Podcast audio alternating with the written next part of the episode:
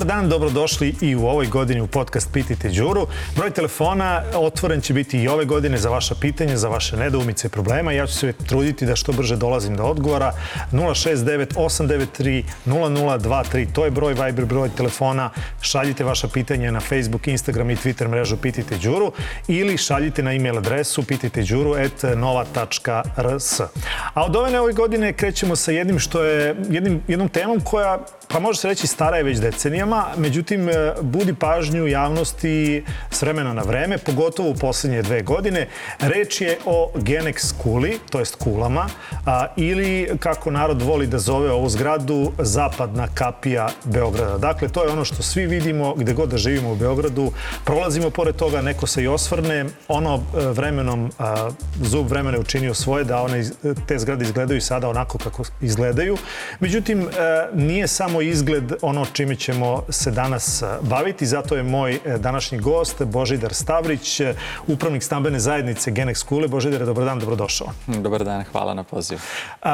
Ja sam u nekoliko navrata pratio ovu tematiku oko Genex Kula, međutim pokušat ćemo danas da objasnimo svim gledalcima koji možda nisu znali šta se ovde sve dešava, u kakvom je stanju, u kakvom su stanju ove Genex Kule, ko, koji deo kome pripada, pa da pojasnimo. Dakle, ajde ukratko, dakle, šta danas znači Genex Kula, kad je ona izgrađena, negde sam pročitao podatak da je potrošeno za njenu izgradnju 70 e, miliona dolara, a e, sada evo ona se prodaje, bar ona njena desna strana, to je ova poslovna, tako ćemo je nazvati, koja je pod stečajem e, kao imovina generala eksporta, prodaje se po treći put, ovoga puta za 7 miliona evra. To je početna cena.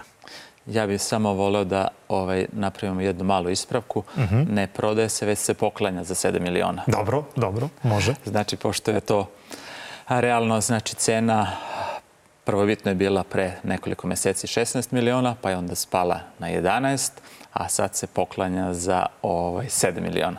Što, je 400 eura po, po metru kvadratno. Mhm, znači 400. A to znate da nema ni u trenutno u Ukrajini, u Bahmutu ili gde god se vode borbe i tamo ćete kupiti za više od 400 eura, tako da to su stvari, to je pokušaj da se pokloni za 400 eura po kvadratu, ali mi ćemo naravno probati da to sprečimo tu prodaju i da se stvarno od te zgrade napravi nešto što bi bilo ponose za Srbiju i za kao jedno osmo svetsko čudo. E sad, o tome ćemo nešto kasnije. Dakle, leva strana to je ona strana gde žive ljudi, to jest stanari, Desna strana, to je ona strana koja je do autoputa, to je taj poslovni deo i to je pod stečajem. 2021. u novembru e, ova zgrada je proglašena za kulturno dobro, je li tako? Tako je. To je pravi naziv, da od da ne grešimo. Vlade. Od strane vlade. E, da li to znači dobro ili to znači loše? To znači dobro i loše, pošto je ovde sve crno-belo. S jedne strane je dobro, Jer ako je nešto proglašeno za kulturno dobro, vi očekujete da će vlada tu nešto da počne da ulaže, da će to stvarno da se napravi kao kulturno dobro, a s druge strane je loše, jer šta god vi hoćete da uradite, ne može jer trebaju razne e, maltene neispunjive saglasnosti od Zavoda za zaštitu spomenika kulture i tako dalje. Vi ste se ovog posla prihvatili e, ne tako davno. Na šta ste evo, od kada ste vi upravnik ove, ovog stambenog dela, na šta ste sve naišli? A, šta god smo probali da unapredimo malo našu zgradu, uvek je bilo problema. Recimo, zgrada nema osvetljenje, prilazi su loši, znači mi se obratimo recimo a, sekretarijatu za energetiku tražimo da se odradi osvetljenje. Oni kažu, a ne, vi ste neka posebna zgrada. Ne može to, znači to mora drugačije da se reši. Pa rako, pa kako ćemo da rešimo? Ne, ne, to ne može. Onda se mi obratimo recimo a, gradskom zelenilu, da se tamo makar nešto oreže, da se napravi bilo kako zelenilo, jer ipak tu dolazi neki stranci i to je kao neki simbol brutalizma tog arhitektonskog stila. Međutim, meni kažu, a ne može, a, e, vi ste neka posebna zgrada, vama taj vaš plato u principu je deo koji mora da se održava na neki drugi način. Mi samo radimo ovo e, što je do ulice. I tako mi svake godine ostajemo i neorezani, i neosvetljeni i tako dalje. Pa za one koji nisu možda bili na tom platovu, to zaista sada izgleda, ne znam ni koju bih reč upotrebio, ali, ali u jednom stanju koje nije e, za ponos i nije simbol Beograda, već e, pa ajde možda i ruglo, možda, možda bi to bila prava reč. Te ploče su prilično popucale, a, tu postoje stubići koje onemogućavaju ljudi da se parkiraju, mada se i to dešavalo, je tako da su se stanari i ostali parkirali na, na, na taj plato. Međutim, e, vas, to jest te dve kule, spaja pasarela, to svi vidimo koji prolazimo, a, ali vas razdvajaju mnogi drugi stvari. Ajde da pokušamo gledalcima da objasnimo zbog čega ste vi u sporu sa, ovim, sa ovom drugom stranom, to je s ovom stranom koja, se, koja je sad na prodaju. A kada sam ja postao upravnik, pošto je to bilo silom prilika, morao je neko da se prihvati te funkcije zbog nekih unutrašnjih stvari i tako dalje. Imali smo neki prihod od reklame Ceptera. U tom trenutku ja sam i saznao da postoje braća Mrdović, odnosno da je jedan od njih Budimir Mrdović stečeni upravnik ili poverenik Agencije za licenciranje stečenih upravnika i da su oni krenuli recimo negde u aprilu u prodaju imovine. I u tom trenutku kad sam ja pogledao šta se prodaje, ja sam se tad zaprepastio jer oni su stvari pokušali da, netačno su prikazali znači šta je imovina i pokušali su da prodaju recimo galeriju koja se nalazi na našem krovu, pokušali su da prodaju 58 garažnih mesta koje se nalaze ispod naše zgrade i pokušali su te dve pasarele, znači od početka, znači zatvorene, ne može niko da pristupi, a to je u stvari zajednička svojina. I onda sam se ja u tom trenutku malo zainteresuo da vidim pa kako mi ne možemo, na našem krovu je galerija, mi ne možemo da pristupimo toj galeriji. Na našem, ispod naše zgrade su garaže, mi ne, ne možemo da pristupimo te garaže. Povezuju nas dve pasarele, imaju dva nivoa, međutim mi uopšte ne možemo da pristupimo te pasarele. I onda sam ja dan za dan počeo to da istražujem i onda sam u jednom trenutku ne samo da počeo da istražujem, već sam počeo i da taj prostor, ha, uslovno rečeno, osvajam odnosno vraćamo u svojinu i u državinu stambene zajednice. E sad, kad vi kažete osvajate, ajde da gledalcima koji nikad nisu bili u, u Genex kulama, ni u jednom ni u drugom delu, ja iskreno kažem, bio sam u ovom stambenom delu i tim pasarelama koje vi pominjete, jeste vi mi otlučali pa, pa sam prošao tamo. U ovom poslovnom delu sam pokušao, došao sam do prizemlja, tu su me zaustavili, dalje nisu dali, ti gospoda Mrdoviću nisu hteli da pričaju mada sam i njihovo mišljenje hteo da čujem, ali e, dokle se sa tim stiglo? Kad vi kažete ušli su i ne daju nam e, u naše garaže koje se nalaze ispod našeg dela, stambenog dela, šta to znači? Šta to papirološki pravno znači? E, cela ta problematika je e, dosta komplikovana, jer Genex je ranije bio jedna vrlo moćna firma, šta god su zamislili, oni su to i ostvarivali. Međutim, to nisu mogli da ostvare kroz papire, već okretanjem telefona, mhm. kao što je ovaj jedan vaš. Da, e, u tom bili trenutku. su takvi. da, e, otprilike. To su sve završavali telefonom, ali kroz papire nisu imali, znači, uh, bilo kakav dokaz da je galerija njihova, da su pasarele njihove, da su ta garažna mesta njihova. Mi smo pokretali neke sporove protiv njih, ali sve to bilo vrlo slabo i nije se, recimo, radilo na tome dan za danom, jer su oni sve to zbog neke svoje moći blokirali. Uh mhm. -huh. A šta se sad dešava? Pa sad se malo situacija promenila. U jednom trenutku kompanija Genex je otišla u stečaj, a mi smo već tad bili u sporu sa njima i za galeriju i iseljenjec galerije. To, to je jedna galerija koja je jako lepa i koja bi mogla bude i vidikovac Beograda i mnoge druge stvari da se tu dešavaju. I mi smo u jednom trenutku uspeli da uđemo preko komšija. Mi smo jedna zgrada sa dva ulaze, mi smo preko komšije i za ulaze u stvari redovno ulazili na našu galeriju, na naš krov, u našu lift kućicu i tako popravljali na našem krovu i antene i sve drugo, a nismo nikako mogli da uđemo preko našeg dela koji je u stvari naš deo i kuda bi trebalo normalno da ulazimo u našu kuću, da ulazimo kroz naš ulaz, a ne kroz, kroz tuđe dvorište. I? I onda smo u jednom trenutku se obratili Agenciji za licenciranje stečenih upravnika, Privrednom sudu. A, kad su oni krenuli da prodaju našu imovinu, mi smo tada se obratili ministarstvu i tražili smo da se ta situacija u stvari svede u neke normalne zakonske okvire, da mi ulazimo kroz naša vrata, da koristimo naše pasarele, odnosno zajedničke pasarele i da eventualno dok traje taj spor da imamo pravo da prečak zakupa, čak smo stanari hoće da plaćaju zakup garaža samo da mogu da parkiraju. Međutim, braća Mrdovići su se na sve to oglušili jer su one očigledno imali neke druge planove, da ne kažem kombinacije. Kad kažete braća Mrdović, to onako zvuči prilično sa nekim negativnim kontekstom u smislu da je to jedna organizovana grupa. A o čemu se tu radi? Pošto e, bilo je napisa da e, jedan od njih e, je zaposlio drugog što je sukob interesa i da to nije samo slučaj u, ovoj zgradi pored vas. Situacija je vrlo zanimljiva. Znači, jedan je zaposlio drugog, a ne samo njega. Znači, ta familija Mrdović, ona se sastoji, bar koliko je nama poznato, od Budimira Mrdovića, pa onda njegovog sina Luke Mrdovića, pa drugog sina Dušana Mrdovića, pa oni imaju i Snaju, imao i rođenog brata Desimira Mrdovića. I? Šta se sad tu desilo? Znači, Agencija za licenciranje je postavila svog poverenika koji je u stvari Budimir Mrdović.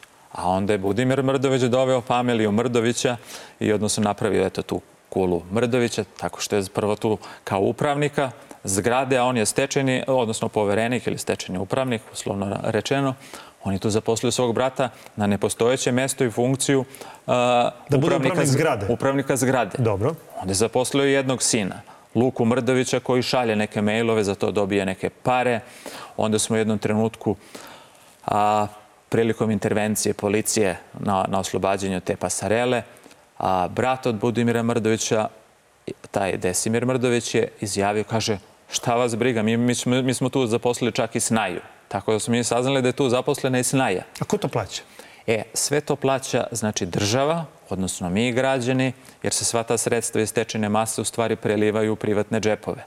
A onda smo mi u jednom trenutku počeli malo da istražujemo zašto bi neko radio za 28.000, recimo koliko je plata tog Luke Mrdovića, sina Budimira Mrdovića, zašto ovaj Desimir recimo radi za 40.000, a obojica su advokati. Čak je i Budimir advokat. I su se zapitali kako ti advokati, kako se to njima isplati, nije valjda da ne znaju posao, nemaju klijen, klijenata pa se bave tim poslom, znači za tako sitne pare. I onda sam ja u jednom trenutku otišao u privredni sud, a onda sam tamo u stvari otkrio da je Budimir Miradović stečeni upravnik ili poverenik Agencije za licenciranje u još par firmi, recimo pet, i da su svi oni u stvari zaposleni u tim drugim firmama, naravno opet na nepostojećim mestima ili mestima... Znači ove cifre koje pominjete, to se sve množi puta pet. Jeste. I sve to mi plaćamo. I sve to mi plaćamo. Ali šta je, šta je tu problem? Što oni rade na poslovima gde već neki drugi ljudi rade. Znači, ne može njegov brat da radi istovremeno i njegov posao. Znači, kod njih dvojice je upravnik, ko tu dobija platu. Onda se ispostavilo da Luka Mrdović radi isti posao koji radi njih tamo još dvoje ili troje. I onda sam ja u jednom trenutku pisao privredno sudu, rekao, stvarno na šta ovo liči, da njih, recimo, ja kao upravnik sam radim u zgradi od 122 stana, 30 spratova, a oni imaju samo 6 spratova koji su u funkciji, a sve ostalo im stoji prazno. Znači, njih je zaposleno tamo 16, a ovde sam ja radim, znači, taj posao koji u stvari njih 16 tamo radi. Onda je sudio u jednom trenutku koliko sam ja obavešten, iznela ceo taj slučaj i razne te nezakonitosti i nepravilnosti na sednici građanskog odeljenja. I onda sam ja i pisao, znači da ostane neki dokaz zašto se to tako dešava. I sad sam u zadnjem izveštaju stečenog upravnika primetio da ih je sad 13. Znači, već smo nešto postigli, a među tih 13 nema uopšte više Desimira Mrdovića znači brata od Budimira Mrdovića. Dobro, vi ste znači dokaz da se ipak može preko naših institucija nešto isposlovati. A, za one koji ne znaju, šta sve postoji u, u, u toj Genex skuli, to jest u tim Genex skulama?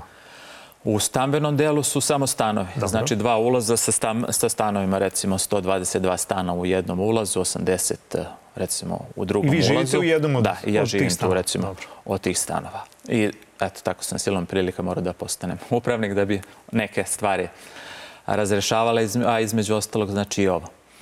A, a po ovaj poslovni deo, znači on je stvarno jedno remek delo arhitekture. Iako bi se tu sad usmerila i energija i znanje, znači mi bi od njega mogli da napravimo nešto što bi bilo stvarno osmo svetsko čudo. On sad posjeduje recimo i bioskopsku salu, posjeduje restoran, vidikovac, to je takva zgrada gde sad u ovom trenutku i sa ovom cenom Znači, isplati se da je država preuzme, pošto... Kao... Ajde, posle ćemo da razjasnimo detaljnije taj... taj. Ali evo, ovaj podatak, ja mislim da ne zna većina Beograda da u, u toj Genex kuli postoji bioskopska sala. Postoji bioskopska sala, znači a, postoji taj restoran Vidikovac. Mnogi to ništa misle, ne radi? To ništa ne radi. Znači, kod njih rade samo prvih šest spratova koji se izdaju, a sve ovo ostalo, znači, stave onu veliku krpu kao neku reklamu i to stoji kao još jedan dodatni izvor prihoda, ali opet eh, izvor prihoda za za njih, a ne za nas. E sad, ajmo na ovu prodaju. Dakle, prvi put je oglašeno za 16 miliona evra otprilike, ali tako? Pa je onda niko se nije javio. Pa drugi pa 11. 11. Pa sad 7, treći sad put. Da. E sad, hoće li ova, ovo biti eh, ovaj, treća sreća ili nesreća, kako vi kažete? Definitivno treća sreća. U smislu prodaje ili u smislu toga da se neće prodati? U smislu prodaje. Znači, to će se sigurno za taj, za taj novac to će se sigurno kupiti jer 400 eura po kvadratu, kao što sam već rekao, znači to nemate nigde. Znači, A koliko sad, je tamo cena kvadrata u vašem stambenom delu? U našem stambenom delu do pre, recimo, godinu dana cena stanovi su bili 1700 eura. U zadnjih šest meseci stanovi su skočili na 2000, pa na 2250, pa jedan stan mali recimo prode za 2500 i pre mesec dana je čak prodat jedan mali stan za 3000 evra po kvadratu. Komplet sređen. A je li moguće da niko to neće? Nemoguće. Ali je moguće da svi hoće da ga kupe ne za 16, ne, ne, ne, ne za 11, već za 7 Jer što bi kupili za 16 ako mogu za 11, a što bi za 11 ako mogu za 7. Znaju li vaše komšije se to priča u liftovima kad se sretnete, ovaj, kome je to namenjeno? Pošto imali smo mi prilike da vidimo, eh, mnoge zgrade u Beogradu su na taj način prodate. Dakle, njihova cena je obezvređena i onda kada je došlo do neke prihvatljive cifre za određenog tajkuna, to je postalo vlasništvo, privatno vlasništvo. Ono što je vrlo zanimljivo, po prvi put se pojavilo u tom izveštaju kvartalnom koji taj stečeni upravnik Mrdović prezentuje. Prvi put se pojavilo da je on već par meseci u kontaktu sa raznim investitorima iz Rusije, Engleske i tako dalje. Ali se tu uopšte ne pominje da li je u kontaktu sa domaćim tajkunima i domaćim investitorima. A mi ja sad mogu da potpišem da to neće kupiti niko ni iz Rusije, ni iz Engleske, ni iz bilo koje druge zemlje, već da će to kupiti neko od domaćih povezanih lica. I šta će onda biti? Pa vi znate šta, šta biva, kao i sa tržnim centrom Ušće. Kupit će se za 7 miliona, a sutra će se prodati za 11 i neko će tu otići a, pun sreće. A i taj što kupi za 11, ako ga bude on posle sredio i prodavao po segmentima ili izdavao, i on će tu da zaradi do onih početnih 16 miliona. E sad, ajmo na prodaju. Dakle, vi nudite državi i obratili ste se predsedniku, premijerki, ministarstvima, agenciji za licenciranje, ili tako, Jeste. da ja ne preskočim nekoga, i tu nudite... E, ministru za javna ulaganja, ministarstvu za javna ulaganja, ministru financija, Nudite Manu. jedno rešenje koje je jedan od, od ljudi s kojim sam razgovarao, a ekonomske struke, kaže to bi bila win-win kombinacija. A šta je to što vi nudite?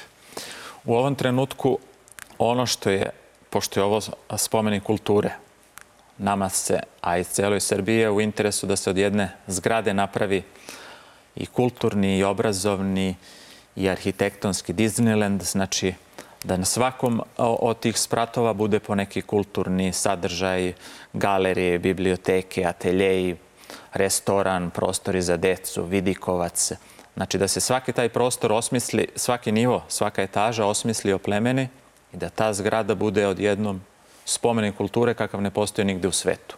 A koja bi istovremeno i svima bila dostupna i radila 24 sata bez prekida i to bi bilo jedno osmo svetsko čudo jer ovo za ovaj novac i sa ovim sadržajima ne postoji nigde u svetu. I plus da država sad ima mogućnost da bez ikakvog problema iskoristi pravo preče kupovine i da tu celu zgradu kupi. Mislite li, ste na početku, da li ste dobili od bilo koje institucije koje ste se obratili bilo kakav odgovor? A, pošto sam ja, ova prodaja je zakazana recimo 16. decembra. Mi uopšte, iako smo kao stečeni poverioci, znači mi nismo samo stanari. Nama Nego kompanija imate pravo. jeste, znači imamo, imamo i neka prava, mi smo i stečeni poverioci, a kompanija General Export je u stvari stečeni dužnik u odnosu na nas. Jer šta su oni radili? U tom bivšem periodu antene koje su bile na našem krovu, na našoj galeriji, oni su izdavali, uzeli su silan novac, recimo nekih 45 miliona u to doba, mi smo ih tužili, dobili taj novac nazad, ali su oni tad otišli u stečaj i taj, i mi nismo mogli da se naplatimo. Nikad niste naplatili. Nikad nismo mogli da, da se naplatimo, ali smo zato sad figuriramo kao stečajni poverioci, pa sad možemo u Privrednom sudu da preduzimamo razne aktivnosti i da gledamo da li to može da se proda za veći novac, kako da se proda i tako dalje. E sad, pominjete ste, e, stečne poverioce. E, niste vi jedini. E, ima tu bivših zaposlenih. Šta je sa njima? Jeste li sa njima u kontaktu? Kakav je njihov stav? Dele li oni vaše ove stavove ili su negde se prepustili rekli to će država da reši, pa šta dobijemo, dobit ćemo? A kompanija Genex, koliko sam ja istraživao, imala je 5000 zaposlenih. U trenutku kad su oni ostali bez posla, oni su normalno pokrenuli postupke i tad je bila ona, ha, jednostavno reći sirotinska priča, 200 eura po godini staža i oni su probali da se naplate. Oni su čak, koliko sam ja upoznati, dobili presudu. Međutim, tad se kompanija Genex podelila na dva dela. Znači, jedan je ostao General Export, a drugi je postala kompanija ICG, znači Genex International, sa gomilom imovine, hotelima i tako dalje. Ta imovina se naravno prodala, a radnici su neki deo, koliko sam ja upoznat, dobili trećinu. Mi nismo dobili ništa, pa pošto smo mi ostali poverioci samo na ovom delu poslovnom delu, a nismo bili poverioci na ICG-u i radnici su sad i poverioci na ovom delu i na ICG-u i sad oni čekaju razvoj situacije. Znači, ogroman novac postoji, ogromna imovina je prodata hoteli na Koponiku i tako dalje, ali niti su oni dobili celokupan taj mizerni iznos od 200 eura, niti smo mi dobili naš dug 200 eura po godini staža, niti smo mi dobili naš dug od 45 miliona, već smo sad ostali da ovde gledamo kako ćemo mi da pomognemo da se ova zgrada proda po većoj ceni da bi se mi što više naplatili. Mislite li ipak da je ovo na neki način utopija, ovo što vi sad pričate, u smislu a, da u ovakvom sistemu gde smo već navikli na oprobane recepte prodaje i omalovažavanja, to jest obezvređivanja određenih e, e, objekata, pa tako i, i ovog, da to nema šanse da, da, da prođe ovako kako ste ga vi zamislili. Vi kažete bit će to Tesline kule, zato što je Tesla i svetski poznat naučnik, pa na taj način da se privuku i strani investitori koji bi tu eventualno e, ponudili i svoj novac, ali i svoje eventualno sadržaje i način na koji treba oplemeniti tu, tu, tu kulu. Dakle, e, šta očekujete da će biti rezultat ove vaše borbe?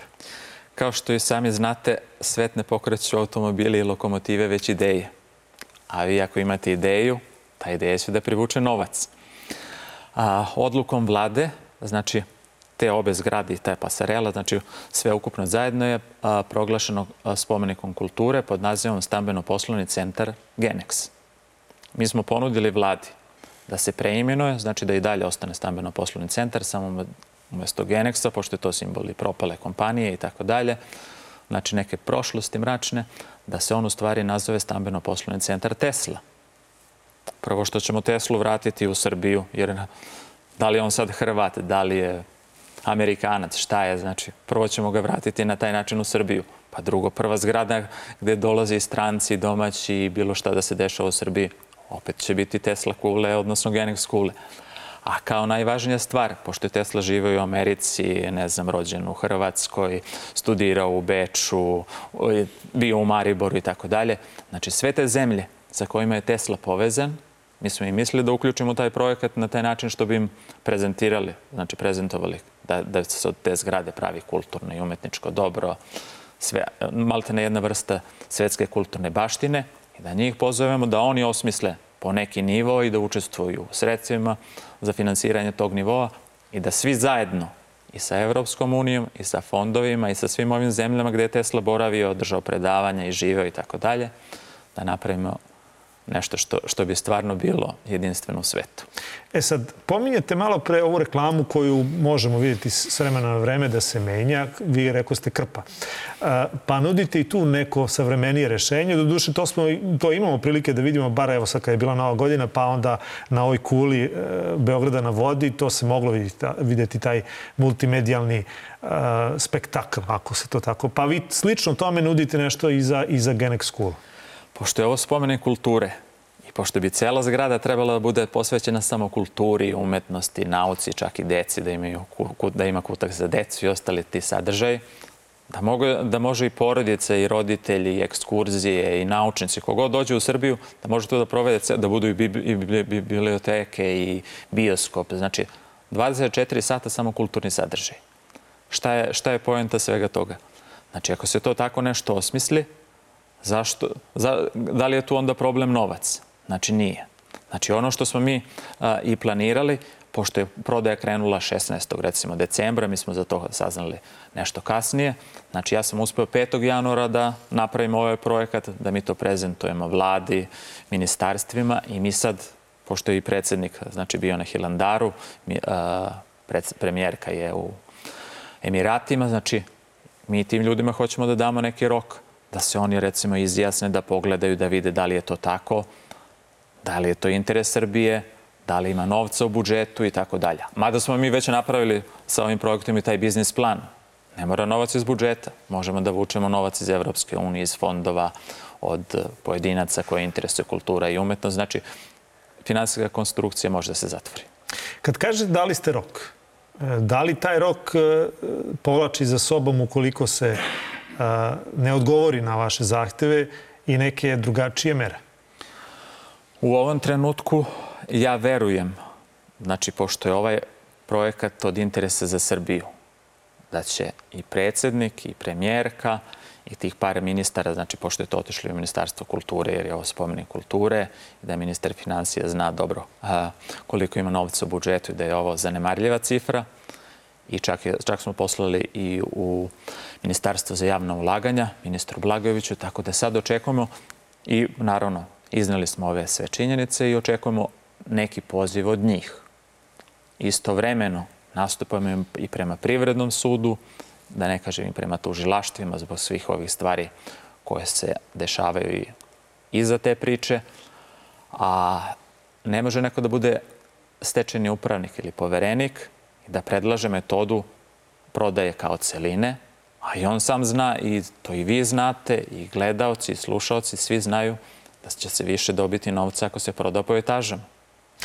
Upravo to, to sam hteo da, da malo razjasnimo. Dakle, vi e, predlažete, to je neka opcija A ili B, svejedno na koje mesto je stavimo, tu segmentnu prodaju. A, šta bi to značilo? Ukoliko se vladi ne svidi ovaj projekat, i ne mora da je se Kao svidi. celina. Kao celina. Dobro. I uopšte da odustane od projekta a, Tesline kule. Mi se uopšte ne borimo ni za to. Vlada ima i možda neke svoje druge interese, neke svoje projekte. Znači, mi dalje, pošto je nama cilj da dobijemo što više novca, jer ćemo se mi onda više naplatiti kao poverioci, mi smo predložili u redu, neka se onda prodaje po segmentima, jer će se onda prodavati po 1000 eura po kvadratu, a ne po 400 eura zgrada kao celina.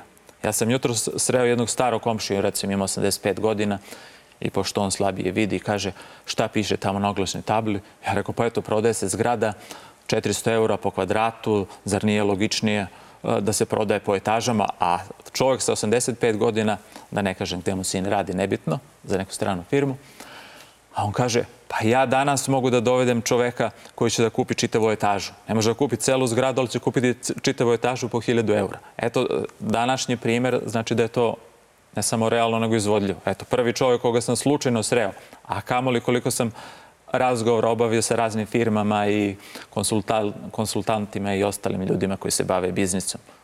Da se prodaje po etažama minimum početna cena 1000 evra kvadrat. Bili ste i u Ministarstvu odbrane. Šta ste tamo tražili? U ovom trenutku mi se uopšte ne bunimo znači, da se zgrada proda. Mi se čak i interesujemo da se zgrada proda. Samo je pitanje cene. A pošto vi, naravno, znate kad prolazite kroz Kneza Miloša, vidite onu zgradu Ministarstva odbrane, gde recimo ima sa leve strane baš preko puta vlade kompletno srušena, ali sa desne strane ima jedan deo koji je srušen, a ima i zgrada od 22 sprata. Znači, koja, se, koja pripada Ministarstvu odbrane. Mi smo čak predložili ministarstvu odbrane. Znači, ako se vladi iz nekog razloga ne sviđa ili nema vlada novca, a mi, mi znamo da ima novca, ne sviđa im se ovaj projekat. Predložili smo ministru odbrane, gospodinu Vučeviću, drugu stvar. Prebacite vaših 22 sprata, odnosno iselite i preselite u Genex Skulu.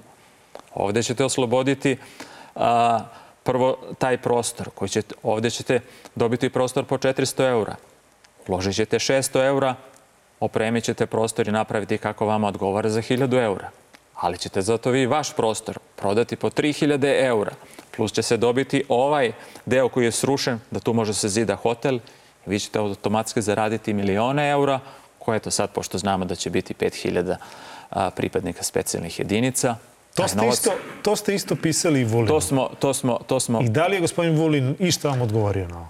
Mislite li da će Vučević biti drugačije volje? U ovom trenutku ja očekujem da će bilo ko u vladi, pošto su dobili svi ovi ministri, da će oni ipak sesti i reći ili pravimo Tesline kule, ili će ministar Mali reći nemamo novca, Ili će ministar Vučević onda reći pa evo, treba nam novac za vojsku i za odbranu i tako dalje. Dajte da onda to uradimo, da premestimo ministarstvo tih 22 sprata, još ćemo ostati 8 spratova pride. Šta vam kažu komšije? Evo, malo pre pa ste pomenuli ovog starijeg komšiju, ali imate li podršku za ovo što pričate većine, većine e, vaših komšija? U ovom trenutku stanari su iznenađeni da neko sme da proda zgradu kvadratni metar po 400 eura po kvadratu. Znači da se nešto prodaje kad znaju svi kakve su cene kod nas. Znači, kod nas danas da se pojavi stan za, za 2000 evra, on bi se prodao iste sekunde. U vašoj Istog gradu. dana. Istog Dobro, dana ali kad to gradu. kažete da su iznenađeni, da li vi imate ikakvu pologu da to stopirate? U smislu, e, jer ste deo, deo onih koji su poverioci. Dakle, mi smo vi deo, imate i kakav interes da to ne imamo, ide za 400 evra. Mi imamo interes. Znači, mi smo poverioci, radnici su poverioci, u nekom širem kontekstu i vi ste poverioci, jer to je u stvari državna imovina od koje ćete vi imati korist jer će ili će se napraviti neki kulturni projekte ili će taj novac otići u neke državne projekte i svrhe. Znači, ako vlada to hoće da uradi, mi se ništa ne bonimo. Ako hoće Tesline kule, mi smo predložili. Ako hoće da se porod generalštabe, mi čak imamo igrom slučaja arhitekta koji je radio projekat za našu zgradu, odnosno tu neku rekonstrukciju, Mi čak imamo i projekat za hotel na mestu baš tog generalštaba u Biršinovoj broj 5. Igrom slučaju. Znači, vladi nudimo win-win kombinaciju. Hoćete hotel? Evo imamo projekat. Hoćete Tesline kule? Imamo projekat. Hoćete da prodate za 16 miliona? Ne bunimo se. Ali se bunimo da se to proda za 11, pa čak i za, a da se pokloni za 7, to ne dolazi u obzir. Ja vam želim svu sreću. Dakle, a šta ako se, ako vlada ipak odluči da to proda za 7? Ako vlada odluči da proda za 7, jedino šta nam preostaje da branimo narodnu imovinu i narodne pare. Onda možemo da pozovemo, recimo, vojsku, policiju, javno tu, znači više javno tužilaštvo, pošto to spada u njihovu nadležnost zloupotreba službenog položaja i prodaje po tom metodu i tako dalje, u vezi čega ćemo im se već tokom nedelje obratiti, ali čekamo izjašnjenja Agencije za licenciranje i vlade i svih ostalih, da bi znali da kvalifikujemo koje je to krivično delo. Da li je zlopotreba službenog položaja, da li je i tako dalje. Znači, ako se to ne desi do 21 januara, da mi dobijemo bilo kakav pozitivan odgovor ili da nas prime na sastanak, da mi vidimo šta se tu dešava, da li ta prodaja može, da li će država istaći pravo preče kupovine, jedino šta možemo onda da osvojimo tu zgradu, odnosno da uđemo i da branimo i našu imovinu i državnu imovinu onda možemo pozovemo više tužilaštvo, je, recimo vojsku, policiju, jer ovo je, ako bi se prodalo po 7, za 7 miliona, to bi bio jedan mali državni udar, mini državni udar u oblasti privrede i financije. Da li će to tužilaštvo da dozvoli vojska, policija, znači da zauzmemo te spratove koji su prazni, da čekamo i da blokiramo znači, prodaju, da, tu dođu, da, da dođu radnici iz kulture, umetnosti, da osmislimo mi sami te sadržaje, da tu zgradu koristimo i da sprečimo i blokiramo prodaju. Hvala vam puno na izvojnom vremenu i na e, ovom razgovoru. Nadam se da je, da je e, Beograđanima i svima onima koji nisu iz Beograda, a koji su sigurno prošli pored Genex Kula, sada jasnije u kakvom stanju se nalazi ova zgrada i šta je posredi i šta može da se desi. Hvala još jednom. Hvala vam na interesovanju. Moj današnji gost bio Božidar Stavrić, upravnik stambene zajednice, zajednice Genex Kule, a broj telefona otvoren za vaše pitanje svakog utorka od pola 3 do pola 4, 069 893 0023. Pišite i na Facebook, Instagram i Twitter mrežu Pitajte Đuru ili vaše pitanje šaljite na e-mail adresu pitajteđuru.nova.rs. Thank you.